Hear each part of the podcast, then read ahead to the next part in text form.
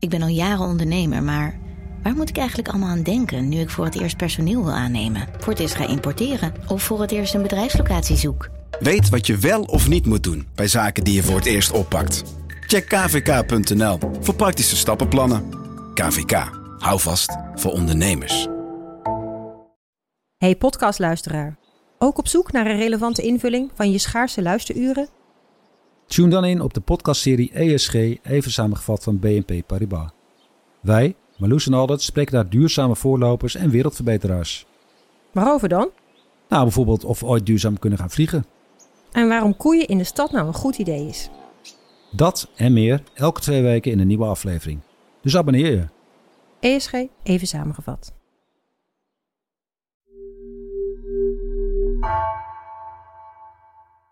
Hallo, Iris hier, audioredacteur van Haagse Zaken. Het is nu reces en Haagse Zaken is er dus eventjes tussenuit. Maar ik geef je graag een tip om een aflevering terug te luisteren in de tijd dat we er niet zijn. Eigenlijk wil ik de hele zomerserie aan jullie tippen. Dat uh, zijn afleveringen van Haagse Zaken die we maakten in de zomer, zoals de naam al zegt, uh, over allerlei onderwerpen. Maar specifiek deze aflevering tip ik je, uh, waarin Michel Keres vertelt hoe internationale topposities worden verdeeld. Het is een onderwerp dat wat Haagser is dan je misschien zou denken. En ik heb er zelf in ieder geval heel veel van geleerd. Veel luisterplezier en tot na het reces.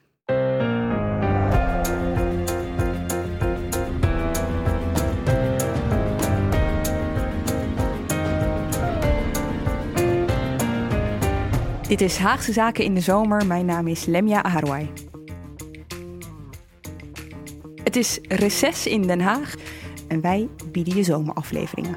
Over onderwerpen die vaak zijdelings in Haagse Zaken worden besproken, maar waar we nu eens goed de tijd voor willen nemen. Dus u gaat op geen enkele manier nee. niet naar Europa? Zo is het. Helemaal niet? Helemaal niet. Ik heb geen uh, ambities uh, voor een andere Europese topbaan dan die ik al heb. Dus het is uitgesloten dat u uh, tussen gaat opvolgen? Ja. Resumerend, u gaat niet, niet, niet, echt niet naar Europa. Had ik u al verteld dat ik niet naar Europa ga? Nou, in ieder geval, ik kan me over mezelf een garantie geven yeah. dat ik dat niet ga doen.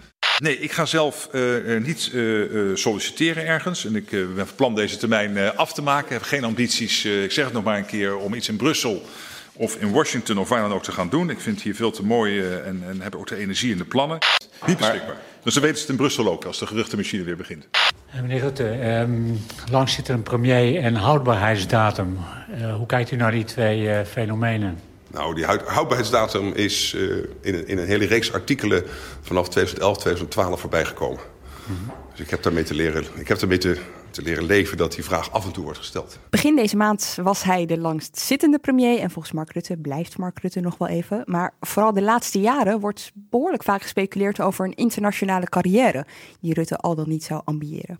Hij zou gaan voor een Europese topbaan, klonk een tijdje lang. En meer recent, hij zou de opvolger van Jens Stoltenberg kunnen worden als secretaris-generaal van de NAVO topbanen bij de Verenigde Naties, de Europese Unie en de NAVO. We hebben het er in Haagse Zaken wel eens over als die geruchtenmachine weer op gang komt. In deze zomeraflevering gaan we je meer uitleggen over wat er achter de schermen gebeurt als er vacatures voor topfuncties vrijkomen. Je hoort over zichtbare en onzichtbare topbanen, over wat Nederland doet om belangrijke posten te krijgen en je leert waarom het belangrijk is om te blijven ontkennen totdat je benoemd wordt. En bij mij de man die voor NRC door internationale wandelgangen struint een antwoord kan geven op al mijn vragen, redacteur geopolitiek Michel Keres. Hi, goedemiddag. Ah, hi. Michel, het gaat dus over Nederland, het gaat over internationale topposities. Eerst maar eens even, wat moeten we ons bij dat soort posities voorstellen? Want ik noem hè, de VN, de EU, de NAVO, maar er is vast meer. Nou, er zijn heel veel banen op heel veel verschillende niveaus. En het is belangrijk dat we uh, het komende uur ook onderscheid blijven maken tussen die verschillende banen. Meestal als we het hebben over Nederlanders op hoge posten en als iedereen in Den Haag opgewonden raakt daarover, dan gaat het echt over de topjobs voor de top dogs. Hè. Dan gaat het over de toekomst uh, van een oud premier. Dan gaat het om de banen die men echt zichtbaar zijn. Hè. Iedereen denkt dan aan meteen aan Jaap de Hoop Scheffer, voormalig baas bij de NAVO. Dan hebben we het over die banen. Dat is één categorie. En dat zijn ook posten waarvoor gelobbyd wordt. Je hebt ook banen die je krijgt omdat je al een functie hebt. Uh, een goed voorbeeld daarvan is dat je als minister bijvoorbeeld van Financiën bent, bijvoorbeeld lid van de Eurogroep. Dat is een vergadering van landen uh, die de euro hebben. Daar kun je voorzitter van worden. We zullen zien dat ook dat een hele belangrijke functie is. En dat het een soort van bijbaan is die je dan zelf eh, extra cachet kunt geven. Die combineer je eigenlijk gewoon met je nationale baan. Precies, je bent minister van Financiën al en dan ben je ook lid van die Eurogroep. En uh, Jeroen Dijsselbloem is voorzitter geworden uh, destijds van die Eurogroep. En we zullen zien hoe dat een soort combinatie was van lobby en van persoonlijk ja. initiatief. En je hebt daarnaast heel veel onzichtbare plekken, daar zullen we het ook over hebben, in ambtelijke organisaties. En heel hoog ook, en die zijn ook heel belangrijk zijn. En je hebt ook nog de categorie waarbij Nederland denkt van deze post is belangrijk. En die is belangrijker dan de persoon. En dan gaat het dus bijvoorbeeld om uh, het lidmaatschap van de, de VN-veiligheidsraad. Mm -hmm. Wat Nederland zo eens in de 20 jaar uh, een gooi naar doet. Of het lidmaatschap van de VN-Mensenrechtenraad. Dus daar ben je dan maar tijdelijk daar lid ben- van? Ja, en dan Nederland lobbyt dan om die post. En dan de invulling van de persoon komt dan op het tweede plan. Oké, dus eigenlijk zijn er vier categorieën die, die je nu uh, onderscheidt. Um, nou, die eerste categorie die je noemt, je zei het al, daar gaan hier in Den Haag, we zijn uh, nu in de Tweede Kamer, de harten sneller van uh, kloppen. daar gaan we het straks ook uitgebreider over hebben. Ik wil eerst toch eventjes stilstaan bij die andere functies. Je hebt soms ook, een voorbeeld is bijvoorbeeld Maxima, de koningin, die ergens gestationeerd is, wat dan een topfunctie is. Dat is, dan, dat is dan zeg maar die tweede laag. Moet ik het zo zien? Nou ja, Maxima is eigenlijk een beetje. Maxima is natuurlijk altijd oorconcours. Hè. Dat gaat, hè, we hebben het over Maxima. Dus ja. het, is, het, is, het, is, een hele aparte categorie. Zou je een aparte categorie Maxima nog kunnen noemen in deze? Uh, Wacht, zei... maar waar ik dan benieuwd naar ben, is, is die functie voor haar is zeg maar gelobbyd voor die functie voor haar? Of had dat net zo goed een oud-minister nee, nee, zijn? Nee, nee, nee. Zij, zij had die functie en heeft die, uh, ze is gevraagd uh, door de secretaris-generaal om, om, uh, van de Verenigde Naties mm -hmm. om voor de Verenigde Naties werk te maken van microfinanciering. En dat is een, een baan die ze, uh, een, een, een, bijbaan, die ze gehouden heeft ook toen ze beroemd werd in Nederland. En zij heeft die functie nu al uh, jaren, ik geloof ruim tien jaar. En het, je moet, dat is echt een functie. Ze heeft echt een kantoor in, in New York, wat voor haar werkt. Een man of tien, geloof ik. En dat is dus een hele bijzondere, soort aparte functie, opdracht die ze uh, per, voor de VN permanent vervult. En daar komt natuurlijk ook alles bij elkaar. En dan zie je dus, daar is zij, ze is onderlegd op dat terrein, dus dat brengt ze mee. Maar ze is natuurlijk ook uh, internationaal beroemd door haar huwelijk, dat brengt ze mee. En ze vertegenwoordigt Nederland, uh, dat vloeit daar allemaal samen. en het heeft natuurlijk ook nog een hoog glamour gehaald, omdat ze een beroemde glamourfiguur is. En dus als zij in New York is, dan leidt ook altijd tot heel veel opwinding extra, oh ja? Omdat, ja? Het, uh, ja, omdat het maxima is. Ja. Dus dan hebben we de aparte categorie maxima uh, hebben we dan gehad. Ja. Waar zitten nog meer Nederlanders? Help me even. En dan vooral de plekken waar ik niet zo snel aan zou denken. Ja, nou, er zijn er eigenlijk vrij veel en ze zijn ook niet zo bekend. Het is leuk om er een paar even te noemen. Uh, bijvoorbeeld in uh, Brussel heb je het Veiligheidscomité van de Europese Unie. Daar vergaderen ambassadeurs die belast zijn en gespecialiseerd zijn in veiligheidsvraagstukken. Dus dat is een vergadering waar uh, gaat het over de sancties voor de, de, Europese sancties voor Rusland bijvoorbeeld. Dat heeft ook een militaire component. En dat is een vergadering. Die mensen komen minstens twee keer per week bij elkaar. En dat is in crisissituaties heel vaak. Ja. En die vergadering wordt door een Nederlandse vrouw, Delphine Pronk, een Nederlandse diplomaat die eerst voor Nederland in Brussel gestationeerd was en nu dus overgestapt is uh, naar uh, de Europese kant van de organisatie. Dus dat is een uh, goed voorbeeld. En als je kijkt in Brussel, valt op dat er heel veel Nederlanders heel hoog zitten op ambtelijke posten in het zeg maar economische en financiële circuit. Dat zal ook natuurlijk niemand verbazen eigenlijk. Nou, mij wel. Is dat, is dat strategie? Nou ja, is dat iets? Nou ja, dat is duidelijk strategie. Nederland vindt dat heel belangrijk. Eh, Nederland let op de cent. En Nederland geeft overal ook veel geld uit. Dus het is goed om dat uh, goed in de gaten te hebben. Maar het valt wel op dat je, uh, dus bijvoorbeeld als je in Brussel kijkt, heb je Gert-Jan Koopman, dat is uh, de directoraat-generaal. Directeur-generaal voor de begroting. Nou ja, iets belangrijk is in Brussel, is het wel de begroting. Je hebt Maarten Verwij, die gaat over het economisch en financieel beleid. Dat is ook een DG. Hè, dus daar worden bijvoorbeeld de honderden miljarden van de, het corona-herstelfonds beheerd. Dus dat is ook. dus het zijn plekken met invloed. Ja, natuurlijk. Dat zijn echt ja. uh, ambtelijke, uh, zware ambtelijke functies, hoge ambtelijke functies. Dat geldt niet alleen in Brussel, maar dat geldt ook als je zeg maar, in, in wat breder kijkt. Dus we hadden bij, uh, bij de ECB. De Europese Centrale Bank. Ja, daar praten we altijd over Klaas Knot. Maar de ECB heeft ook een eigen directie van zes mensen. En daar zit ook een Nederlander, Frank Elderson. je hebt in Luxemburg, we blijven nog even in de financiële sector, heb je het European Stability Mechanism.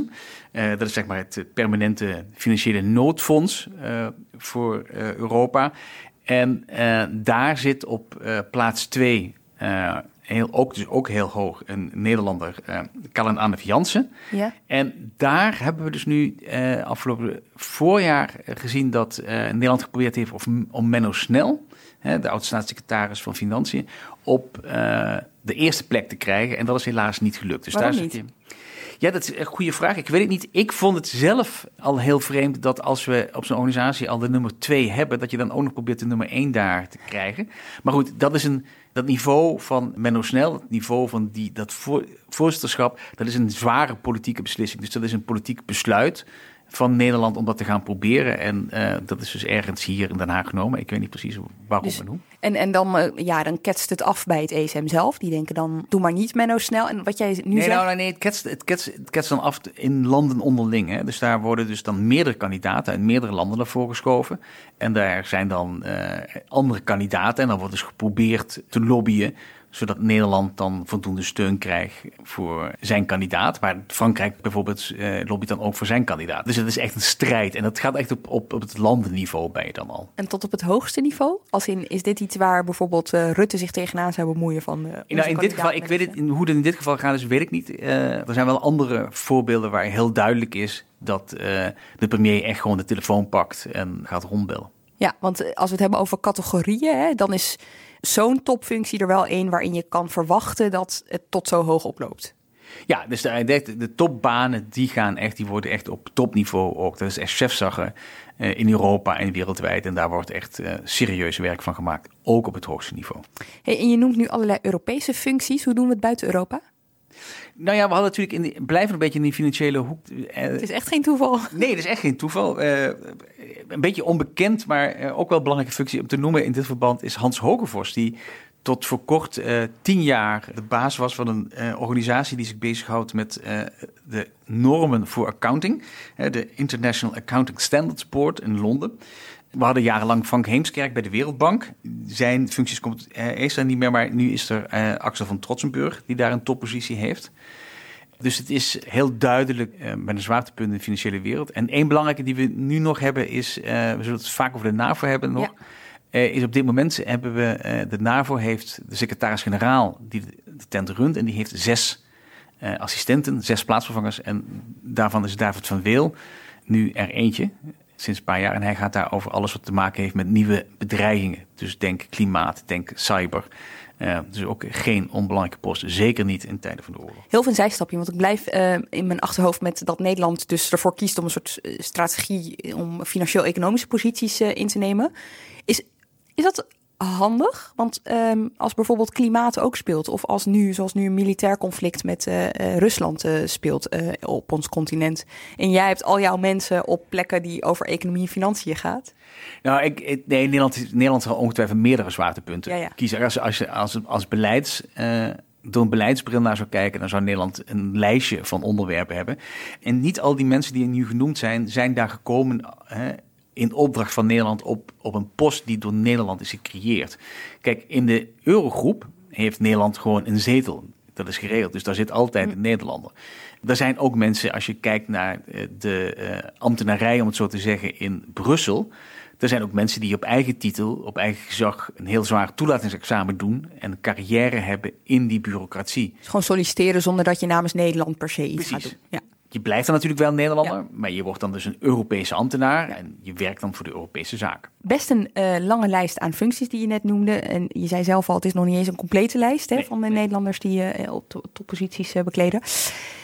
Dan vraag je je toch af, bestaat er een soort van vacature-site waar die mensen dan op, waar landen op kunnen kijken van, oh ja, die plek komt vrij? Of hoe gaat dat eigenlijk?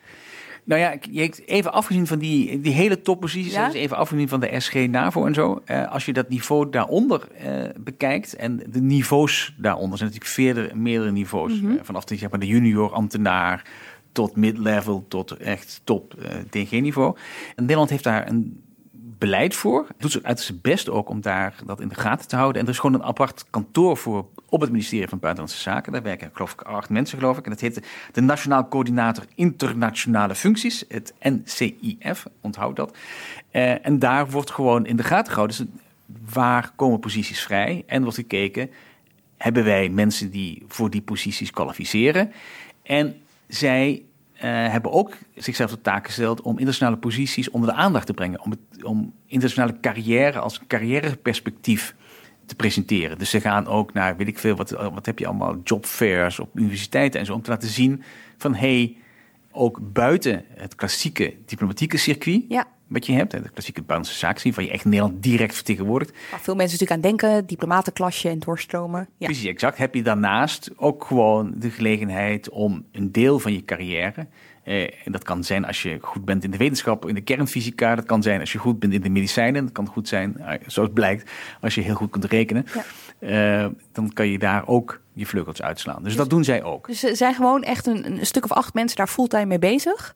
En als ik het goed begrijp, is dat onder Stef Blok als minister van Buitenlandse Zaken in 2019 zo'n beetje bedacht. Nee, nou, wat Stef Blok, onder Stef Blok bedacht is, geconstateerd is dat Nederland eigenlijk in Brussel. Kijk, een, een groot deel van deze functies bevindt zich in Brussel, omdat Brussel natuurlijk voor ons gewoon het belangrijkste buitenland is in dit opzicht. Dus daar moeten we zeker goed vertegenwoordigd zijn. En ten tijde van Stef Blok eh, constateerde Nederland dat we daar eigenlijk een beetje ondervertegenwoordigd zijn. En dan met name net onder de top. Dus als je naar de statistieken kijkt, dan zie je dat Nederland eigenlijk net iets minder functies heeft dan het gezien het gewicht van Nederland eigenlijk logisch zou zijn.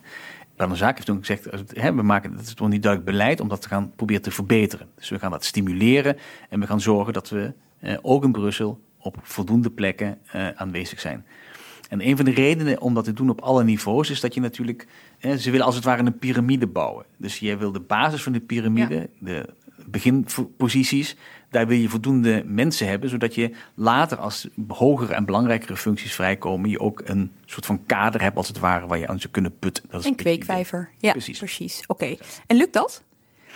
Nou, het gaat beter, zegt men, maar het is nog steeds, eh, de cijfers zijn nog steeds een beetje eh, onder het eh, gemiddelde. Er zijn eh 40.000 banen in Brussel, daarvan heeft Nederland 1200. En als je bij de commissie kijkt, wat natuurlijk het grootste ambtelijke apparaat is, daar werken 30.000 mensen en dan heeft Nederland er 850 banen. En de naam Stef Blok viel al eventjes. We kunnen hem meteen eigenlijk ook zelf als voorbeeld noemen. Hij was dus minister van Buitenlandse Zaken. Hij heeft heel veel ministersposten bekleed Hij trouwens. Hij is echt ja, een, precies, eh, ja, jobhopper ja. geweest in verschillende kabinetten.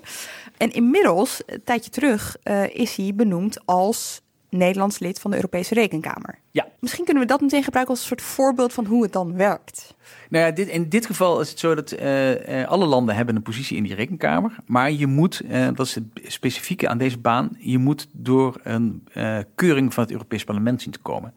En dat is een van de dingen waar men dit voorjaar mee druk was, de Nederlandse diplomatie, achter de schermen eh, vooral, is om Blok dan voor te bereiden en klaar te stomen voor zo'n hearing. Dus daar wordt dus echt, dat wordt dus echt, eh, meerdere mensen eh, laten dan Bloks naam noemen, spreken gunstig over hem. eh, iedereen belt zijn contacten. En er wordt ook gewoon inhoudelijk, gewoon expertise ook bij elkaar gezet. Dus mensen die echt goed zijn ingevoerd in specifieke dossiers zodat die op allerhande vragen. Gaan ze maar vast overhoren vooraf en zo. nou ja, en dat, een, dat hij een potentieel antwoord heeft. Dus dat hij gewoon goed voor de dag kan komen. Dus dat is iets. Hè, dus het is een hele, ja, een hele teamwork om dan Stef Blok zo goed mogelijk te lanceren. Ja, dus dit is zeg maar die piramide die je net eh, met al die categorieën. Dit zit bovenin die Ja, categorie nee, dit, wel. zit, dit is heel boven. Ehm, En is, is hij dan ook, want ik moet zeggen, ik zat een keer op een vrijdag bij ministerraad, eh, of nou, ik zat niet bij de ministerraad, was maar zo'n feest. Ik wil zeggen, ja. ik zat bij de persconferentie daarna te wachten totdat eh, eh, Rutte kwam en dan krijg je allemaal persberichtjes binnen. En ineens stond daartussen Stef Blok, lid van de Europese eh, Rekenkamer. En tot die tijd was het niet bekend. Dus is dat, wordt zo'n proces dan geheim gehouden? Nou, het is zo dat, en dat, dat maakt dit, deze uitzending ook een beetje lastig. Dit is een onderwerp waar mensen niet graag over praten. Nee. En dat is, eh, zoals ik heb dus ook heel veel mensen gevraagd de afgelopen dagen om, hè, wat speelt er nu en, en welke posities komen er aan? En dan begint iedereen een beetje te lachen en zegt van, ja, weet je, als we het nou aan jou gaan vertellen welke posities er zijn, dan eh, gaat dat een rol spelen in die procedure. En dat gaan we dus gewoon niet doen. Dus daar kom je dan heel moeilijk achter. En het is een gouden regel is om dit zo lang mogelijk stil te houden. En dat heeft verschillende redenen, maar één daarvan is dat je eh, mensen naar voren schuift. Zeker, zeker zijn dat, dat zijn vaak bekende mensen, dus iedereen let daarop. Dus als het dan mislukt, weet iedereen dat ook. Nou, je kunt je afvragen hoe erg dat is, maar goed, iedereen die ons gesolliciteerd heeft en het niet geworden is, en zeker als eh, de hele afdeling het ook wist, Ja. dat jij ging solliciteren, dat is dan vaak vervelend. Ja. En dat probeer je dus te vermijden. En om bij dit voorbeeld eh, te blijven, dan dit is dus wel iets waar Nederland een kandidaat voordraagt. Hè? Dus ehm, is dit dan ook één kandidaat. Dus was Stef Blok dan de enige kandidaat? Of kan, uh, nou, laten we Menno Snel nog even bijpakken. Kan hij zelf ook gedacht hebben, nou, ik, ik, ik heb hier eigenlijk wel interesse in? Ik weet niet precies wie het initiatief neemt. Maar het is natuurlijk zo dat de mensen natuurlijk... Ehm, vaak wordt je gevraagd. Het is ook op de krant wel zo dat er uh, uh, een, een, baan uh, open valt. En dan, dan, kun je solliciteren. Maar er zijn ook mensen die worden dan gevraagd om te solliciteren. Ja. Dus dat, is, dat gaat natuurlijk van twee kanten. Ik weet niet precies hoe dat hier werkt. Nee. Stef Blok zit dus een beetje zo boven in die piramide waar we het nu een paar keer over hebben gehad. Laten we nog even één treden naar, daarna onder wat is een soort van profiel van mensen waar naar gezocht wordt? Wat zijn de soort checkboxes die je moet uh, afvinken? Nou, als je zeg maar aan het begin van je carrière staat en je, je ambieert dit, dan zijn er gewoon een paar hele eenvoudige dingen. Universitaire opleiding is natuurlijk uh, is een must. Oh, daar ga ik al. Uh, ja, dat is volgens mij is dat, dat haast onvermijdelijk. Je moet natuurlijk kennis van een bepaald beleidsterrein hebben. Hè. En als je bij de WHO wil werken, dan, eh, dan, moet je medisch, dan is het logisch dat je medisch uh, geschoold bent. Uh, als je bij het IMF wil werken, moet je met boekhouden overweg kunnen. Je moet wel al relevante ervaring hebben, vaak ook relevante internationale ervaring. Uh, men gaat ervan uit dat als je wil je echt een beetje geholpen worden, dan moet je toch al 15 jaar beleidservaring meebrengen. Dus dat scheelt. Dus je moet echt al een tijdje bijvoorbeeld in Den Haag ja. ergens je sporen verdiend hebben. En dan verschilt het een beetje. Voor sommige posities kan het zijn dat je wetenschappelijk uh, je sporen verdiend hebt. Managementervaring kan Als heel je zegt wetenschappelijk je sporen verdienen, dan gaat het echt om publicaties bijvoorbeeld. Ja, precies, ja, dus dat je echt kan laten zien ja, dat, je, ergens... een bepaald terrein, echt een heel specifiek terrein. Uh, en vaak worden ook vaak hele uh, technische niveaus mensen gezocht. En dan moet je gewoon laten zien dat je op dat terrein inderdaad echt al wat voorstelt. Managementervaring kan natuurlijk heel belangrijk uh, zijn. En je moet minimaal, en dat is echt tegenwoordig echt een minimum, twee vreemde talen spreken. En dat is ook een van de redenen waarom men denkt dat Nederlanders in Brussel zo slecht vertegenwoordigd zijn, omdat het talenniveau in het Nederlands zo slecht is. Oh ja? Ja, er zijn twee landen die daar problemen hebben. Dat zijn de Nederlanders en de Britten. Die spreken niet genoeg Frans eigenlijk. In Brussel is Frans gewoon de tweede taal. Dus zonder Frans uh, ben je nergens. Ik merk dat helaas zelf ook regelmatig. Hoe is jouw Frans? Mijn Frans is niet goed genoeg. Nee? nee. Je voudrais une pen, zeg maar. Dat is zo ongeveer ja, Oké, okay, daar komen we wel af. maar het eindigt, ja, nee, shame. Uh, maar goed, als je nu dus aan het luisteren bent, die uh, zit, uh, weet ik veel, in je laatste jaar, of je gaat, je gaat beginnen aan je master en je wil straks deze kant op, dan is Frans dus wel een van je dingen waar je ja, talenkennis is dan is heel essentieel. Het kan, het kan ook het kan Frans zijn, maar tegenwoordig is bijvoorbeeld Mandarijn of Arabisch natuurlijk ook geweldig. Ja. Oké, okay, laten we gaan naar de top van die piramide. Je had daar net een. Ja, wil jij de hele tijd Ja, dat eigenlijk spannender. Hè, is eigenlijk wel spannend, ja. Hoewel die andere plekken volgens mij uh, net zo invloedrijk zijn. Die je net ja, ze zijn in ieder geval heel belangrijk en het wordt vaak onderschat. Ja, door mij dus ook. Nou, ik zal het nog meer doen. Uh, even naar de top van die piramide. Hoe kom je daar terecht? Hoe, kom je, hoe krijg je een vacature als uh, uh, SG bij de NAVO als land binnen? Nou ja, daar, daar wordt echt serieus werk van gemaakt. Kijk, dan is het het is, dit is de premier en de, misschien de minister van Buitenlandse Zaken uh, en nog één of twee vertrouwelingen, uh, fractieleiders bijvoorbeeld, die dan denken van oké, we, hebben een kandidaat hiervoor, uh, iemand die het op het lijf geschreven is en wij gaan proberen hem of haar op zo'n positie te krijgen. En dan, dan wordt er echt serieus werk van gemaakt. Dus dan wordt het hele diplomatieke apparaat in stelling gebracht. Dan wordt overal wordt, geworven en over deze persoon gesproken. Achter de schermen. Hè mag liefst niet naar buiten lekken. En uiteindelijk is het ook zo dat de premier dan de telefoon moet pakken of in de marge van vergaderingen die eigenlijk over iets anders gaan, uh, toch even die kandidatuur naar voren moeten brengen. En dan gaat het ook echt op het niveau van, wij hebben deze geweldige vrouw, die heeft in Nederland haar sporen verdiend. Ze past perfect op deze functie en ze zou ook heel goed zijn voor jullie. Ze zou ook jouw belang, en dan ja, het Franse belang of het Duitse belang of het Italiaanse belang, heel goed uh, kunnen behartigen. Oké, hier wil ik meer over weten. Want vooral dat, dat, dat rondbazuinen van een naam, dat, het lijkt me dat je daar al maanden eerder mee begint. Ja, het, ligt een beetje eraan hoeveel tijd er is uh, voor zo'n baan. En kijk, al die banen hebben hun eigen dynamiek. Uh, soms komt er zo'n baan uit de lucht dan moet er plotseling iemand weg. Uh, er is een keer geweest dat er was een, een SG van de NAVO struikelde over een affaire. En dan is van de ene dag op de andere is die baan opeens er. En dan moet je dus snel schakelen. Bij de Europese topfuncties weet je dat komt uh, na de Europese verkiezingenopgang. Dat is in 2024 de volgende keer. En dan komt er een enorm carousel van banen altijd uh, ter beschikking. Dat dus zie je, weet, aankomen. Dat zie je aankomen. Dus dat, daar zit al een groot verschil. En het is ook, elke baan heeft eigen eisen. Dus je kijkt wat specifiek voor die baan van belang is om te doen en te onderstrepen. Kijk, bij sommige organisaties weet je, oké, daar maak je echt een goed kans als we een vrouw naar voren sturen. Want ze hebben zich voorgenomen om uh, pariteit tussen mannen en vrouwen te krijgen. En dan zijn ze nog lang niet. Uh, bij andere organisaties weet je, bij de NAVO bijvoorbeeld, daar zijn de Amerikanen eigenlijk de baas. Dus daar richt je je op wat de Amerikanen willen.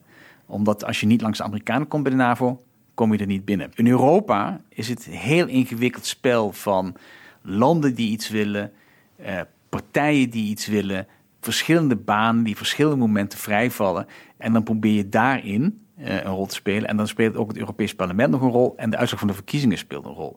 Dus dat is een hele ingewikkelde puzzel om daaraan goed in te opereren. En landen die dus zelf uh, iemand naar voren willen schuiven, die letten natuurlijk ook altijd op wie schuift een ander land naar voren. En maak ik daardoor nog wel kans met mijn kandidaat?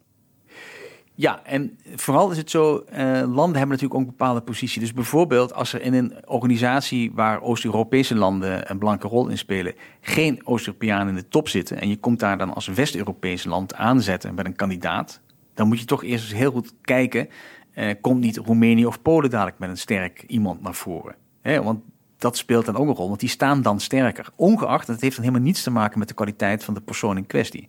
Het gaat dan gewoon om, oké, is de machtsbalans tussen de landen in die organisatie oké? Kan iedereen daarmee leven? En, en als, als een van de landen zegt, wij zijn heel belangrijk hier, we doen heel veel, maar we tellen eigenlijk niet mee in de top. Ja, die hebben dan een heel sterk argument. Dit speelt vaak bij uh, de SG, we laten dat woord vaak vallen, die afkorting, het is secretaris-generaal, uh, van de Verenigde Naties. Hè? Bijvoorbeeld is het een kandidaat van het noorden, ja, uit het zuiden? Ja, nee, dat, daar speelde. Uh, de laatste keer was het heel erg. Toen, het was in 2016. Toen uh, moest er een uh, nieuwe secretaris-generaal komen. En toen was eigenlijk heel duidelijk: dat was de eis. Oké, het moet een vrouw zijn. Voor het eerst nu eindelijk eens een keer. Het moet iemand zijn uit het zuidelijke halfrond. Want het noorden is al veel te vaak aan, aan bod geweest. en wat krijgen ze? Een witte man uit Portugal. Hoe komt dat dan?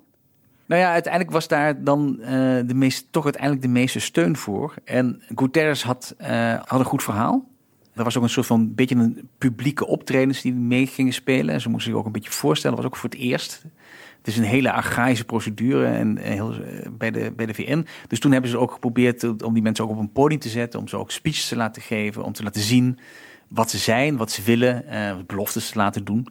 Veel uh, politiek erbij. Ja, precies. Dus dat was een hele, uh, dat was een heel on, ongekend en ongewend. Toen die vervolgens uh, de, de verlenging aan de orde was, toen is het een vloek en een zucht gegaan. Heeft nooit iemand naar omgekeken vervolgens. Dus ik weet niet hoe goed VN nu zeg maar op pad zijn naar. Ja. Heeft nog nooit een vrouw aan de top van de VN gestaan? nee, ik geloof niet. Nee, hè? Nee. Ja, volgende ronde nieuwe kant. Wanneer is dat? Wanneer gaat dat spelen? Um, even kijken, 25, 26. Ja. Oké, even terug naar, die, hè, naar dat traject achter de schermen. Er wordt dus een beetje rondgebazuind, een, bepaalde naam, daar wordt over gesproken. Die is goed voor jullie, die is ook voor jullie belangen uh, goed. Wanneer gaat een premier zich ermee bemoeien? Want dat, daar komt het op een gegeven moment ook op neer natuurlijk. Er moet steun gezocht worden dan voor de Nederlandse kandidaat in dit geval. En dan moet de premier zich er ook een beetje tegenaan gaan bemoeien. Ja, die wordt, dat ligt een beetje aan het niveau van, van de baan. En bij sommige banen kun je het zonder steun van de premier wel vergeten. Dus je, je, ik denk dat hij er vrij snel bij betrokken is als het uh, om een echt hele hoge functie gaat. En hoe werkt dat dan? Nou, hij belt dan gewoon met, met regeringsleiders die, die denkt dat hij moet overtuigen. Um, zo werkt het. En dan, dan wordt of, hè, ze, ze, spreken elkaar. En uh, er zijn ook wel voorbeelden, want dan wordt het ook een beetje verdeeld. Uh, bijvoorbeeld in Brussel doe je dat vaak dat mensen dus dan binnen hun eigen politieke groep opereren. Dus je hebt, uh, je hebt de conservatieven en ja. de sociaaldemocraten en de christendemocraten. En die hebben ook onderling contact. Hè. Dus voordat er een Europese top is, vergaderen die leiders ook onderling en groep nog even. Nou ja, dus, dus, dus daar heb je je vrienden, als het ware. Je politieke vrienden. Of de mensen die met wie je veel contact hebt. Ja. Dus daar ontmoet Rutte bijvoorbeeld Macron. Dus dat is heel handig om dan, als je zo'n lobby doet, om in ieder geval te kijken van oké, okay, dan laten we in ieder geval die groep alvast bespelen. Nou, bijvoorbeeld. Zullen we, aan de, zullen we aan de hand van voorbeelden gewoon langs gaan hoe zo'n traject werkt? En dan komen we er ook meteen achter wanneer het goed gaat en wanneer het niet zo goed gaat. En laten we dan beginnen met uh, de man die uh, deze zomer werd voorgedragen als de nieuwe burgemeester van Eindhoven. Afgelopen jaren voorzitter was voor de Onderzoeksraad voor Veiligheid, of eigenlijk nog is. Ja. Allemaal nationale topposities. Hoe verging het hem internationaal? Ja, we hebben het uh, over Jeroen Dijsselbloem. Dijsselbloem werd minister van Financiën. En in 2012, 2013. En toen was hij dus automatisch ook eh, lid van de Eurogroep, waar de minister van Financiën vergaderen. En die groep heeft een voorzitter, die wordt het uit hun eigen midden gekozen. En eigenlijk is dat een bijbaan, normaal gesproken. Maar we hebben het over de periode 2013-2018, schuldencrisis. Heel Europa is op zijn kop. Het ging alleen maar over geld, het ging alleen maar over die euro. Eh, en we- toen was het voorzitterschap een internationale hondenbaan, echt. Dus het, ging echt ergens over. Hoe ging het in zijn werk? Dijsselbloem kwam daar als jonge nieuwe eh, minister van Financiën binnenzetten. En op een van die eerste vergaderingen, zo vertelt hij het zelf, het verhaal, zag hij dat al die mensen steeds wel elkaar stoven. Hè? Dus er was paniek en er was er steeds in kleine groepjes werd er dan iets bekokstoofd. En dan gingen allemaal belangrijke mensen in zo'n vergadering gaan dan in een apart kamertje zitten. Dat gaat ook echt zo. En hij is daar gewoon als broekje als het ware... eh, achter de grote heren naar binnen gewandeld en in zo'n kamertje en is daar gewoon tegen de muur gaan staan en heeft geluisterd hoe daar iets bekokstoofd werd. En eh, terwijl hij daar tegen de muur stond, heeft hij ook nog wat hier en daar wat suggesties gedaan. En dat viel blijkbaar heel goed. En men dacht, nou, met deze man kunnen we wel iets. Dus hij had vrij snel de sympathie van eh Wolfgang Schäuble, minister van Financiën van Duitsland. Niet onbelangrijk in die groep. Dus ik denk dat het een combinatie was van zeg maar, zijn eigen optreden en het feit natuurlijk dat Nederland en Duitsland inhoudelijk dicht bij elkaar lagen. Ja, dus is- hij werd voorzitter. Dus dat was de eerste ronde, was eh 1-0 voor, eh voor Dijsselbloem. Ja, er was één land tegen, hè? Eh, ja, dat was één land tegen. Dat was heel grappig. Dat was Spanje. Die hadden A zelf een kandidaat, eh, meneer Gundos, die wilde graag zelf. Maar Spanje was in die tijd, stemde in principe overal tegen, omdat zij vonden, Spanje vond dat het in die, dat hele circus in Brussel te weinig posities bekleden. Dus ze vonden dat ze niet genoeg aan bod kwamen. Dus bij over, ze gingen overal dwars liggen om erop te wijzen dat Spanje onderbedeeld was. En zo ging ook deze man eh dwars liggen toen. Maar dat, hij was de enige, dus dat hielp eh, uiteindelijk niet. Nee, maar goed, eh, je wordt benoemd voor, wat is het? Een paar jaar maar. Het is heel kort. Ja. Dus al vrij snel kwam Dijsselbloem dus ook inderdaad op het, op het punt dat hij graag een verlenging wilde. En hij had het eigenlijk, hij had het eigenlijk vrij goed gedaan. Dus de, Nederland leek dat ook wel kansrijk. Totdat eh, hier in Den Haag de alarmbellen afgingen. Want wat bleek? Deze Spanjaard had opeens de steun van Angela Merkel. En in die tijd was natuurlijk Angela Merkels wil was wet. Dat was duidelijk. Dus hier dacht men, oh, dit wordt echt helemaal niks. En toen is er dus ook echt wel vanuit Den Haag ook echt een lobby op gang gekomen. Waarbij, eh, de, vertelt men, de premier zijn connecties belde in Europa. En eh Diederik Samson, die ik geloof toen fractievoorzitter was in de Kamer. Zij voor zijn partijgenoot, zeg maar, alle mogelijke eh, sociaal-democratische regeringsleiders ging bellen. Om te kijken om Dijsselbloem naar voren te schuiven. Dus dan begint die lobbymachine echt te draaien. Ja, dus, en dat mensen, mensen bellen dan gewoon eh, de contacten die ze hebben. Ja, En lijkt me dat hey, Rutte dan gewoon zelf Merkel belt. Of dan hebben we. niet zo? Ja, dat neem ik aan. Ja. Dat was daar niet bij, maar zo, ongeveer zo moet je je dat dan voorstellen. Dat dan, of, of dat hij zegt van, hé, hey, we, hebben, we hebben gewoon een goede, heeft het goed gedaan. En, dus dat, eh, maar goed, Merkel was hier in dus wel het probleem. Tot het laatst bleef zij eh, die Spanjaarden steunen. En het was zelfs zo dat er, het, het gerucht toen ging dat er een deal was. Want men vond het een beetje vreemd dat Merkel zo achter die Spanjaard ging staan. En de gedachte in Den Haag was, Duitsland heeft met Spanje een akkoordje gesloten. Spanje steunt Juncker, de Luxemburger, voor de Europese Commissie, voor het voorzitterschap. Dat wilde Merkel graag. En in ruil voor die stem zullen wij, Duitsland, dan jullie kandidaat, de Spanjaard, bij de Eurogroep als voorzitter naar voren schuiven. Is dat ooit bewezen? Ik heb geen idee of dat zo was. Maar Ja. dat, was dat was het verhaal. Dat was, dat was de, het, het scenario waar men hier in Den Haag eh, mee rekening hield. En dat is dus tot het laatst toe eh, is dat onduidelijk gebleven. En Dijsselbloem heeft toen iets heel grappigs gedaan. Hij, heeft toen die, de, hij was voorzitter nog steeds. Dus hij heeft toen de vergaderingen waarop gestemd moest worden over de verlenging of over een nieuwe voorzitter, heeft hij toen voor zich uitgeschoven. Dat is natuurlijk de macht die je hebt. Dat is de macht. Ja, dus Ja. dat, en eh, daar was toen een argument voor. De, de, de crisis liep gierend uit de hand. Dus eh, daar- waren er echt wel belangrijke zaken dan, dan poppetjes op dat moment. Zo kon hij dat verkopen. Dus dat ging even vooruit. En in die fase eh, kreeg hij enorm aan de stok met zijn Griekse collega. Varoufakis, dat was hè, de stokenbrand. Iedereen kan zich nog wel herinneren van die tijd. En Dijsselbloem kon die kritiek vrij goed pareren, vond men in die eurogroep. Dus, dus zijn statuur, in de, zeg maar de extra tijd die hij had, groeide zijn statuur ook nog. En uiteindelijk is hij dus eh, toch weer geworden. Dus die heeft die verlenging gekregen. Dus dat gedoetje met Varoufakis heeft hem eigenlijk, is echt een soort zegen voor hem geweest. Nou ja, dat weet ik niet. Maar in ieder geval is dit, die verlenging die hij verz- ver- verzonnen had, dat was eigenlijk een goede, een goede set. Maar het leert dus wel, en dan eh, goed, dan moeten we er maar even van uitgaan dat dat deeltje waar je het net over had, hè, dat dat eh, klopte in dit hy- hypothetische geval. Maar dat dat dus ook een rol kan spelen bij het verdelen van die internationale topfuncties. Dat het dus echt niet gaat over wie is de beste kandidaat alleen, maar ook over. Nee, het gaat zeker niet over de beste, alleen wie de beste kan. En de- zeker in die Europese functies en zeker op het moment dat je weet dat er meerdere functies tegelijkertijd aan bod zijn, dan wordt er dus, dan wordt er dus gewoon geschoven en gedeeld. En dat is een proces waar je heel moeilijk je vinger achter kunt krijgen. Dus dan, dan raken ook eh, al- die duizenden journalisten in Brussel raken dan helemaal over de kook. Want iedereen probeert dan Ja. eh, een, een klein stukje van de puzzel eh, te leggen. Hey, en dan wordt in 2019 een nieuwe baas van IMF gezocht.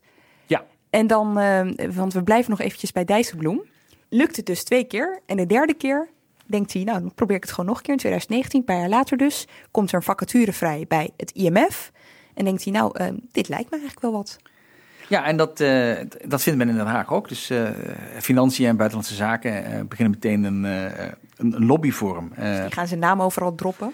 ja, precies. En nu is het zo, dat bij het IMF is de bijzonderheid dat het een functie is die doorgaans naar een Europeaan gaat. En dan, dan probeert de EU natuurlijk één eh, Europeaan naar voren te schuiven. Dus het is in, in, in eerste instantie een Europees spel, dit. En nu was het probleem dat Frankrijk eh, een voorstander was van de Bulgaarse Kristalina Georgieva. En die heeft het uiteindelijk ook gewonnen. Dus wat er dan gebeurt is dan, Nederland schuift dan zijn kandidaat naar voren. Frankrijk, zie je, is geporteerd eigenlijk van iemand anders. En dan is een kwestie van knopen tellen. Dus dan wordt er gewoon gesproken en dan, zegt, gaan, ze echt de hoofdsteden af. En dan wordt gekeken, nou, wat, wat gaan jullie doen? En dan zeggen ze, nou ja, ja geweldige kandidaten. Geweldig, die meneer Buitendijsselbloem van jullie. Maar ja, die Bulgaarse, dat is ook wel een hele sterke. En, dan, nou, en op een gegeven moment weet je dan, ik ga het gewoon niet redden. En dan trek je je terug. Zo heet dat dan, hè? Ja, zo en eh, dan ja. trekt hij zich terug. Tenminste, dat had dan de, ko- de kop, hè? Dijsselbloem trekt zich terug. Maar ehm, trekt Nederland dan eigenlijk gewoon zijn kandidaat terug? Moet ik het Ja, ja, het is een soort van combinatie van beiden natuurlijk. Het is, hè, het is, je, moet je, dat, je moet je dat voorstellen als één team. Je hebt de kandidaat met het land en, en de vertegenwoordigers en de mensen die voor hem werken. Zijn die, dat is gewoon één clubje. En die kijken gewoon en die praten onderling. Ja, wat doen we? Kijk, de kandidaat heeft natuurlijk ook daar natuurlijk wel een zekere stem in. Maar goed, op een gegeven moment denkt, ziet iedereen wel dat er niet genoeg knopen zijn en dan is het klaar. En dat, ehm, dat teampje, hè, zijn er eigenlijk gewoon een paar mensen die, zo zie ik dan vormen, bij het ministerie van Buitenlandse Zaken hebben. Dus je hebt dat bureautje dat, dat zich bezighoudt met de wat lagere eh, piramideafdelingen, zal ik maar zeggen. Maar voor dit soort functies, zijn er eh, bepaalde ambassadeurs of zo die altijd dit Nee, het zijn natuurlijk de ambassadeurs die er in, deze, in de functie toe doen.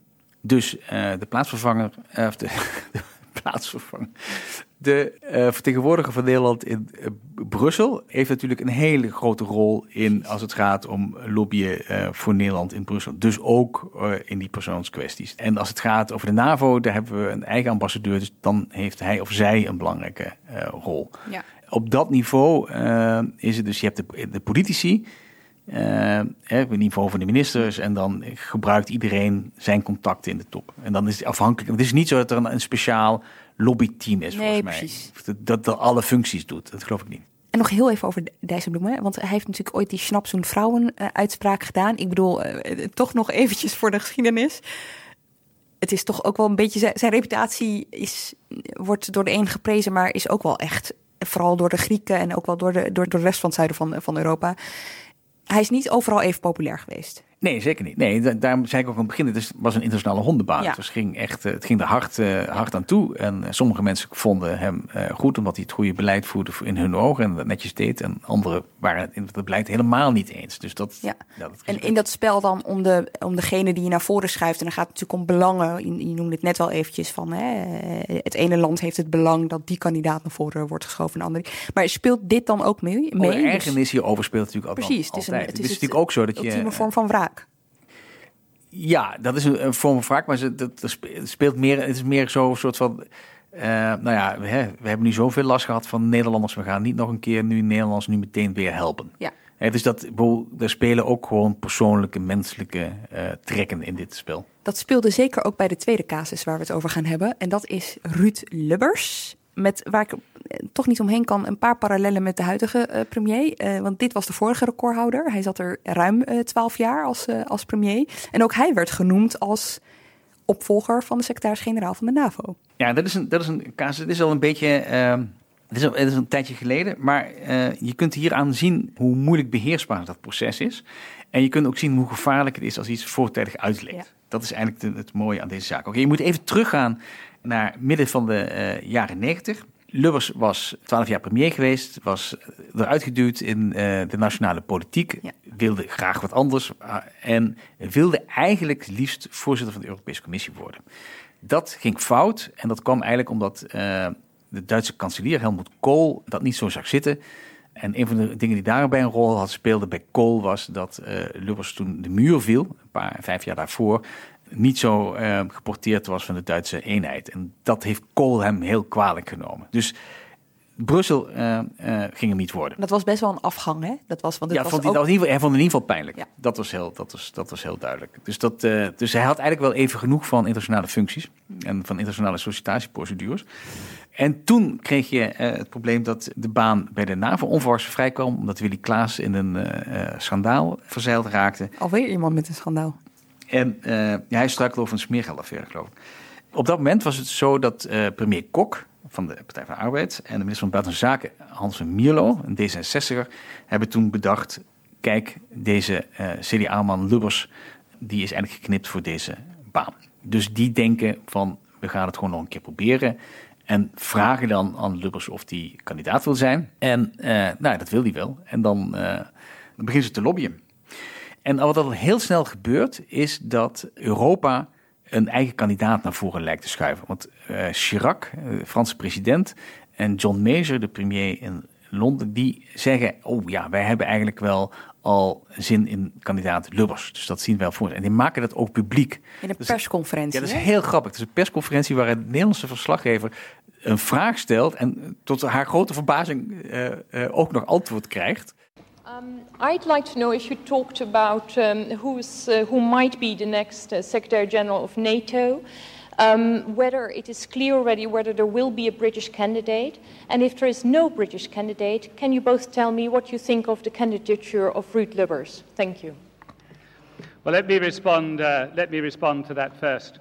We did consider the possibility not of one. I saw one British name being floated in the press. There were, in fact, a number of British names that we considered, uh, but we also looked at other names that were already in the field. Uh, Dr. Lubbers is not yet uh, a formal candidate. I should make uh, that point entirely clear. But were Dr. Lubbers to be a formal candidate for the Secretary General of NATO, I think he would receive strong support from the British government. Vous étonnerai pas en vous disant que là encore, nous partageons le même sentiment. Français en Britannique.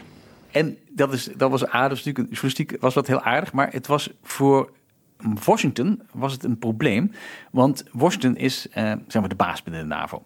Dus de regering Clinton dacht van ja, maar het moet nu niet zo lijken alsof wij een Europese kandidaat zo opgedrongen krijgen. Zo. Dat de Europeanen bepalen waar het over gaat. Dus de Amerikanen moeten zelf willen het ge gevoel hebben de regie te hebben over deze hele procedure. Ja, en ze moeten ook, uh, de regering in Washington moet ook in, aan het kapitool laten zien dat zij heer en meester zijn. Dat speelt natuurlijk een belangrijke rol ook. Uh, dus wat ze doen is, zij roepen twee Europese kandidaten op voor sollicitatiegesprek.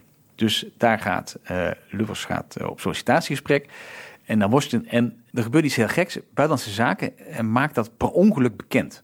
Dus de Nederlandse pers wist al dat uh, Lubbers onderweg was. En eigenlijk had dat ook al niet moeten gebeuren. Ja, want jij hebt er een reconstructie over geschreven samen met wat andere NRC-collega's. We zetten de link even in de show notes, want echt geweldig. Maar de blunder die ze maken is ze boeken de vlucht onder een andere naam. Maar ze communiceren gewoon de naam Lubbers. Ja, precies. Dus, ze, hè, dus ze, ze, wisten wel dat je dit geheim moet houden, maar het ging gewoon... In de uitvoering ging er wat mis. In, in, de, in, de, uitvoering ging het mis. Dus die naam die begint steeds weer, die, die begint steeds serieuzer te worden. En ook uh, de toenmalige minister van Zaken, Hans van Mierlo, die, ja, die, die kon het eigenlijk ook niet laten om er een beetje over te praten. Dus eens in de zoveel tijd uh, sprak hij er ook weer in het openbaar over. Dus, maar goed, Lubbers komt dus uh, op sollicitatiegesprek. Echt, dat moet je je echt zo letterlijk voorstellen. Uh, met een aantal, de, de Nederlandse ambassadeur in Washington en zo, gaan ze dan naar de minister van Buitenlandse Zaken op het State Department. En er is een lunch en die lunch begint heel goed. En de Nederlanders gaan naar buiten na afloop en denken, nou... Dit hebben we goed gedaan. Dit hebben we goed gedaan. Maar de Amerikanen denken, nou, er zijn twee problemen met deze man. A, hij eh, praat veel te wollig. Want Lubbers was natuurlijk meteen hardop gaan denken. En, en, en, we willen eigenlijk iemand die gewoon praat in soundbites. En dat was gewoon Ruud Lubbers niet gegeven. Een praten in Hij soundbites. was meer van de analyses. Nou, hij was meer van de hardop pratende, wo- wollige zinnen waarmee je twaalf kanten op kon. in Ik probeerde het ehm, wat subtieler te formuleren. Ja. Daar was hij, daar was hij, ja, daar was hij heel beroemd voor. Dus dat, dat was één ding wat bij, bij de Amerikanen niet goed viel. En de Amerikanen waren toen voor een snelle uitbreiding van de NAVO met de eh, Europese, Oost-Europese landen. En Lubbers zegt tijdens die lunch van dat we misschien daar maar even eh langzaamaan mee moeten doen. Dus ook inhoudelijk denken die Amerikanen, ja, maar dit is niet ons standpunt. Deze man vertegenwoordigt niet ons standpunt. En je bent natuurlijk gewoon ook de zetbaas van de Amerikanen in Brussel tot op zekere hoogte. Ja. Dus je moet weliswaar met iedereen vrienden zijn in de NAVO. Maar eh, als je de Amerikanen niet aan je kant hebt, dan, dan kom je er gewoon niet. Dus eh, vrij snel eh, wordt die kandidatuur afgeschoten. Krijgt Nederland een telefoontje van ja, het spijt ons, het wordt niks. En het pijnlijke hieraan is dat iedereen heeft mee kunnen kijken van A tot Z. Dus waar zo'n procedure normaal gezien behoorlijk achter de schermen plaatsvindt, he- hebben we hier zelf tot en met de vlucht naar Washington voor het sollicitatiegesprek mee kunnen kijken. Ja, en dat maakte het. En het, het, was extra pijnlijk, omdat Lubbers had één voorwaarde gesteld voor zijn kandidatuur voor de NAVO. Eh, na zijn échec in Brussel. Van laten we het nou gewoon pas zo lang, laten we zo lang mogelijk stilhouden. Laten we niet een, hè, een kandidatuur openlijk naar voren schuiven. Dat zijn twee strategieën. Sommige landen schuiven iemand openlijk naar voren. En hier was niet duidelijk gekozen, laten we het geheim houden. En dat was dus mislukt. Ik zat te, eh, te bladeren door eh, het boek dat hij heeft laten schrijven met eh, de titel Persoonlijke Herinneringen, waarin hij heel uitgebreid uit de doeken doet eh, hoe dat mis is gegaan bij de Europese Commissie, maar waarin hij over deze affaire niet meer dan zes zinnen opschreef. En eh, die zes zinnen die komen ook zo'n beetje terug. Hij is wat dat betreft wel boodschapvast. In eh, 1995 in een aflevering van het NOS-journaal. Hij is dan ergens bij een bijeenkomst en dan wordt hem gevraagd naar, nou ja, naar precies naar deze affaire. En dit is wat hij zegt. Ik geloof dat het kernpunt is dat de verantwoordelijke mensen hier eh, na nog wat wikken en wegen gezegd hebben... laat ons kiezen iemand eh, die, eh, laten we zeggen, een tijd gewerkt heeft... dus een minister van Buitenlandse Zaken of minister van Defensie in het NATO-circuit. En laten we geen voorkeur geven aan iemand die twaalf jaar lang premier is geweest... die daarin zelf beslissingen nam. Wij zoeken iemand die beslissingen uitvoert. Ja, briljant toch? eruit heeft geluld. Ja, nou ja. maar je hoort hem hier in, het, in deze quote, je hoort hem ook hardop denken en, en, en formuleren. En, eh, nou ja, hij zat er niet helemaal naast. Maar dit leert ons dus dat het ontzettend onhandig kan zijn als je naam dus al voortijdig uitlekt terwijl jij nog, hè, eh, terwijl jij nog in het proces zit. Dat dat een reden kan zijn voor andere landen om jou niet meer te steunen, omdat het dan voor hun lijkt alsof zij de regie niet meer hebben. Ja, dat was in dit geval was dat heel, was dat heel duidelijk. En het is ook een kwestie natuurlijk ook, ja, het is ook gewoon voor de persoon zelf altijd een vraag. eh, je, kijk, als je in een race stapt, weet je dat je kunt verliezen. Ja, dus, dus, dus, dus, dus er kan een moment komen dat je moet zeggen, goed, ik ben niet geworden. Eh, maar als je dus al een paar keer verloren hebt, dan wordt dat, en je moet dan nog een keer een blauwtje lopen, dat is niet zo best. Het is op zich wel grappig. Onze collega Peter de Koning eh, die heeft in eh, maart van dit jaar gesproken met Jaap de Hoop Scheffer. Die haar vertelde hoe de Britse minister van Buitenlandse Zaken zijn vrouw eerst had gevraagd: Goh, eh, wat zou Jaap ervan vinden, denk je, eh, om secretaris-generaal van de NAVO te worden? En dat hij nu ook eh, de afgelopen tijd aan zijn jasje is getrokken door eh, mensen her en daar. Van wat denk je ervan als we Mark Rutte vragen om secretaris-generaal van de NAVO te worden? Eh, nou, en dan heeft de Hoop Scheffer natuurlijk een heel verhaal over dat hij denkt dat Rutte daar wel geschikt voor is. Ja, ja. Maar dan eindigt hij met de opmerking dat je over zulke ambities dus wel moet zwijgen. Want, en dan zegt hij, een vogeltje dat te vroeg fluit is voor de poes. En dat toont Lubbers dus wel aan. Ja, dat, dat laat die reconstructie heel goed zien. Speaking of Mark Rutte, want eh, we begonnen deze aflevering natuurlijk met hem. Die vacature van eh, secretaris-generaal van de NAVO, die is nu open. Jens Stoltenberg die stopt er op een gegeven moment mee. De vraag is, is het eigenlijk al duidelijk wanneer precies?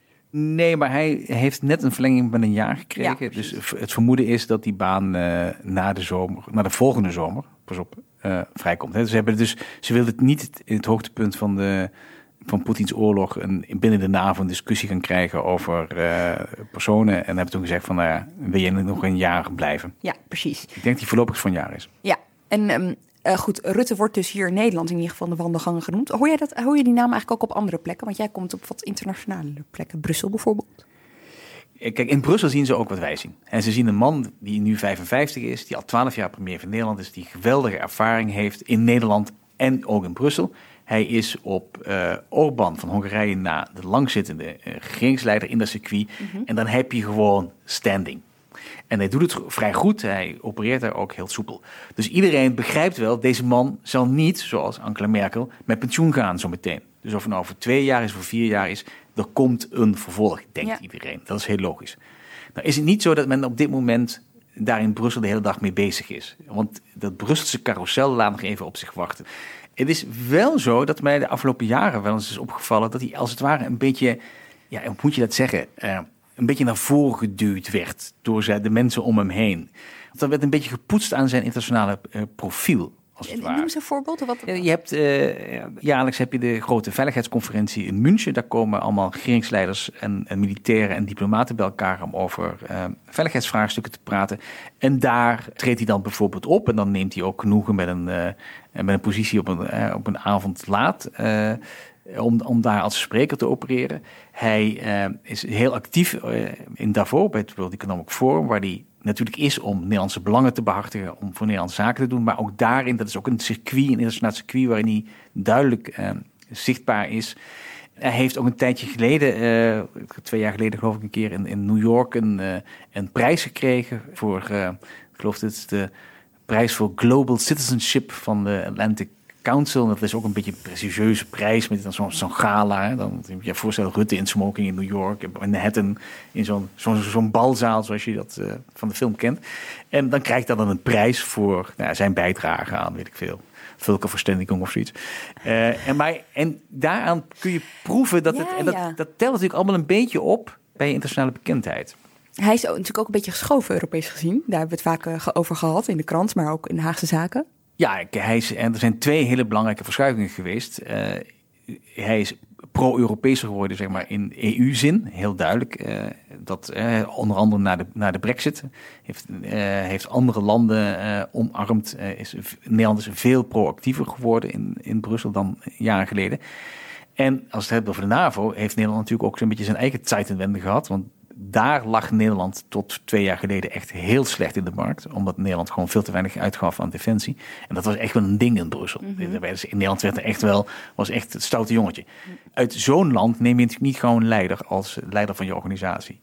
Eh, dus die verschuivingen hebben wel effect. Maar ik denk dat We geven er inmiddels, eh, werken we toe aan die 2% waar zo'n behoefte aan is. ja, en die, die, dus ook, die dus ook afgesproken was. Maar die verschuivingen, die worden internationaal zeer zeker geregistreerd. Maar niet meteen met daar de bijgedachte bij. eh, dat is, heeft iets te maken met eh, carrièreperspectief. Die verwijzingen die worden echt op, hun, op zijn merites beoordeeld als eh, duidelijke en, en zwaarwegende beleidsveranderingen in Den Haag. Ja. En gaat het dan om de persoon Mark Rutte of gaat het ook om het land Nederland? Moet ik dat, kan je dat los uit elkaar trekken? Ja, niet echt. Er zijn natuurlijk altijd, ja, je kunt Nederland niet uit Mark Rutte halen, ben ik bang. Dus dat, dat zal niet gaan. Dus Mark je Rutte krijgt ook niet uit Nederland tot nu toe. Nou ja, dat, dat zullen we zien. Oké, laten we eventjes vooruitkijken. Want we hebben het dus over deze functie. Maar er zijn misschien wel meer functies eh, die op dit moment ehm eh, vrijkomen. Of laten we zeggen de komende drie jaar na het reces. Nemen we een, een, breed, eh, een breed kader. Welke functies komen er vrij? Deze zomer had je kunnen solliciteren op Oh. eh, een hoge VN-functie, eh, maar daar is, daar is het nu te laat voor. Eh, die is gesloten. En ik geloof niet dat daar Nederland, tenminste niet bij mijn weten, is Nederland daar Mhm. niet kandidaat in. Kijk, als je het over de VN hebt, komt natuurlijk ook altijd de naam van Sigrid Kaag boven. Zij heeft natuurlijk, ze had twee decennia internationale carrière bij de VN, heel veel verschillende functies gedaan. Eén functie die heel veel aandacht getrokken heeft toen ze de chemische wapens in Syrië ging eh, helpen opruimen in opdracht van het OPCW. Een hele belangrijke klus was dat eh, op dat moment. Dus haar worden ook wel kwaliteiten en misschien ook wel de ambities toegedicht om hierna ooit weer internationaal verder te gaan. Who knows? Maar eh, komt dat vrij, die, die positie van Guterres? En ja, die komt natuurlijk ook voor of laat vrij, maar dat is wel meteen een hele hoge. Oh. Je, kunt, je hebt ook heel veel andere... eh, Think big. Ja, nee, think big, eh, heel goed. Je hebt natuurlijk ook heel veel andere eh, eh, hoge posten in, bij de VN die de moeite waard zouden zijn. Het is trouwens wel, ze werd heel eventjes genoemd in 2016 al als een soort dark horse. Oh ja? Toen het dus uiteindelijk uh, Guterres het werd. Omdat met name toen, en dat kwam een beetje omdat in het circuit van journalisten en analisten en diplomaten iedereen het op zoek was naar vrouwen die dit zouden kunnen, omdat men dacht dat het een vrouw moest worden. Ja. Uh, en ja, dan kijk je binnen die VN-organisatie en wie zou dat dan aankunnen. Dan zo, zo redenerend kwam men uh, op de naam van Kaag. Maar er is nooit echt een lobby voor gevoerd. Nee, maar stond op een lijstje, maar. En dat is dan dus wel nodig, want dat is dan dus, dus dat zeg maar dat Nederland lobby. Ja, ja, natuurlijk. Nederland moet, voor, ja, natuurlijk niet alleen Nederland, maar dan moet je de hele EU mee hebben. Maar het feit dat zij nu in korte tijd, eh, kortstondig, maar toch, minister van Buitenlandse Zaken is geweest en nu minister van Financiën. Als je dan uiteindelijk daar wil eindigen, uh, zo'n VN-toppositie, is dit dan een soort van stappenplan wat je moet hebben doorlopen of werkt het niet zo? Nou ja, alle ervaringen die je natuurlijk ook als, uh, als minister uh, opdoet, en zeker op deze zware banen, helpt dat natuurlijk aan je profiel. Maar je, ik, ik geloof niet dat het handig is om zo bezig te zijn, daaraan te denken. Dus het, uh, ik geloof niet dat je. Uh... Maar het zijn geen vereisten of zo. Het is niet, het is niet uh, weet ik veel, bij de NAVO dat je dus minister van Defensie moet zijn geweest. Omdat je dan. Nee, niet per se. Het zijn wel vaak natuurlijk wel vaak, ja. vaak ministers van Defensie of van Buitenlandse Zaken. Uh, maar goed, de, de huidige leider van de NAVO, Stoltenberg, was zowel minister als premier. Dus dat kan alle kanten. Maar ik denk niet. ik speculeer nu, want ik, ik zit niet regelmatig bij de Kaags aan de keukentafel. Mm -hmm. maar ik, ik denk niet dat je zo redeneert dat je nu eerst diverse ministerschappen aan elkaar knoopt met het oog om later secretaris-generaal van de VN te worden. Daarvoor is die kans dat je dat wordt, is zo mini, hoe dan ook zo klein. Dat, je, dat is volgens mij, zo moet je het niet zien, volgens mij. Uh, goed, we komen toch weer terug bij de NAVO en de VN. Maar wat voor andere topfuncties zijn er nou de komende tijd die vrijkomen? Nou, één, wat in Brussel gaat nog een, nog een, een gerucht. Het is echt, ik, ik, weet echt helemaal niet of hier iets, of wat hier nou van waar is, maar het gerucht is als volgt. Juice kanaal, dit is het NRC Juice kanaal. ja, precies. Dit is, uh, dit is waar, waar zeg maar, op Brusselse uh, borrels met een beetje drank uh, over gebabbeld wordt. Zoals je in de Europese wijk staat op de stoep met een biertje je hebt uh, de Europese Raad, uh, dus de Raad van, van regeringsleiders, uh, dat is die altijd die, die topbijeenkomsten hebben. Dan heb je de voorzitter van is Charles Michel en onder hij heeft een ambtelijke staf en onder hem zit een secretaris-generaal. Die positie is vrij. En nu wil het gerucht dat er diverse kandidaten zijn daarvoor. En eentje zou zijn de Nederlandse permanent vertegenwoordiger in Brussel, Robert de Groot. Uh, maar goed, er zouden ook nog andere kandidaten zijn. Uh, ik geloof de Franse ambassadeur op dit moment in Brussel zou dat wel interessant vinden, zegt men. En de, ik geloof hun Roemeense collega die net weg is, zou uh, er ook wel oren naar hebben. Dus er zijn meerdere kandidaten. Er zijn meerdere kandidaten. Kijk, en hier krijg je dan meteen, hier begint dan iedereen te speculeren en te redeneren. Want ja, Oost-Europa heeft moet natuurlijk ook uh, goed bediend worden met hoge posten. Dus dan heb je natuurlijk uh, met Roemenië alweer een streepje voor. Hoe meer de EU uitbreidt, hoe meer het vechten wordt natuurlijk ook om dit soort functies. Ja, ja dat verwatert natuurlijk. Dat kan ja. niet uitblijven. Ja, ja. oké. Okay, dus, dus dat is, voor jou eentje om op te letten de komende Natuurlijk, dat is interessant. Ja, want uh, Robert de Groot is gewoon een belangrijke Nederlandse diplomaat. Ja.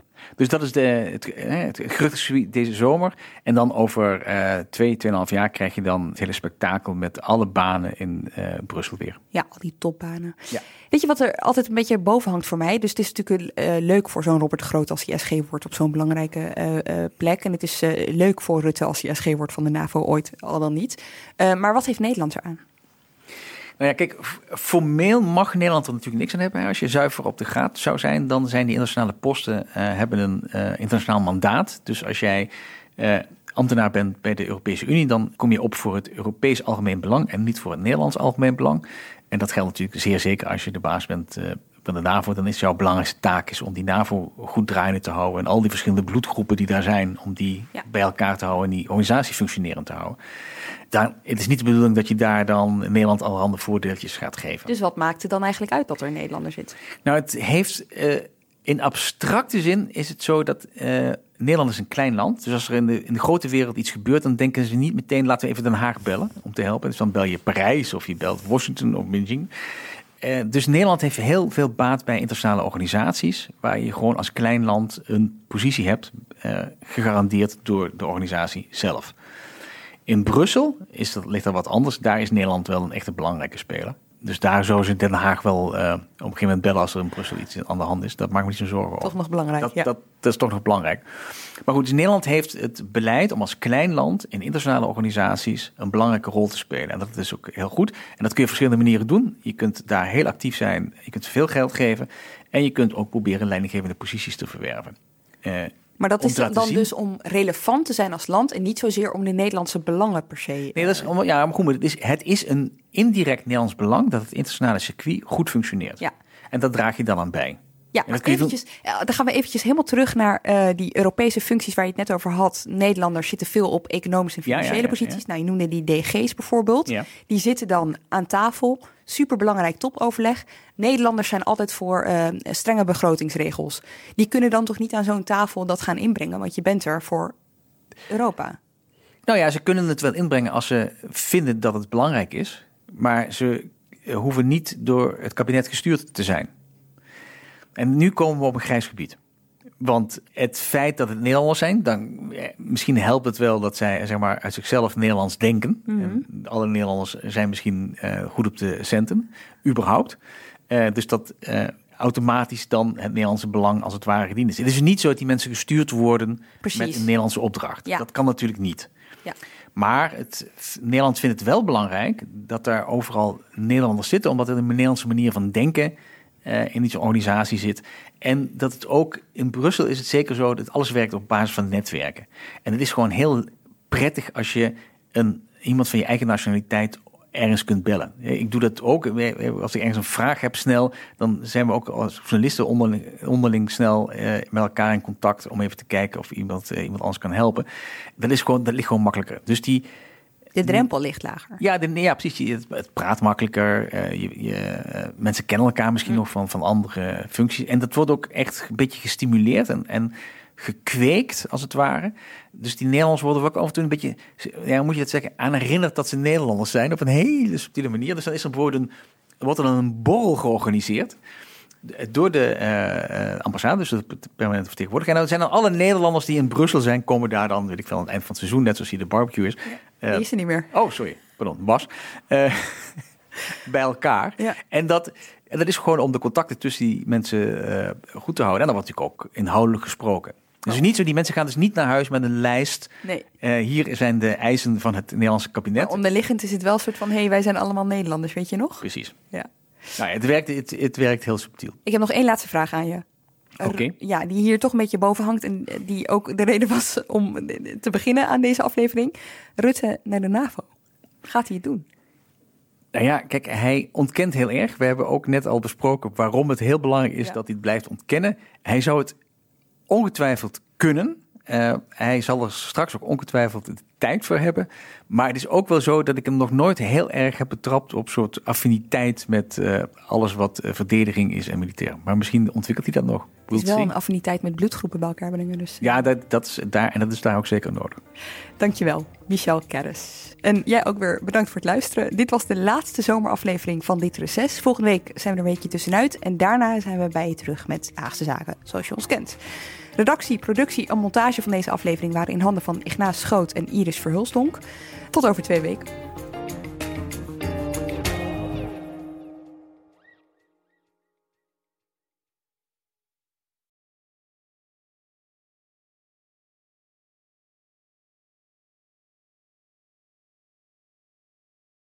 Technologie lijkt tegenwoordig het antwoord op iedere uitdaging. Bij PwC zien we dit anders. Als we de potentie van technologie willen benutten, kunnen we niet zonder een menselijk perspectief. Human-led, tech-powered noemen we dat. Ga naar pwc.nl.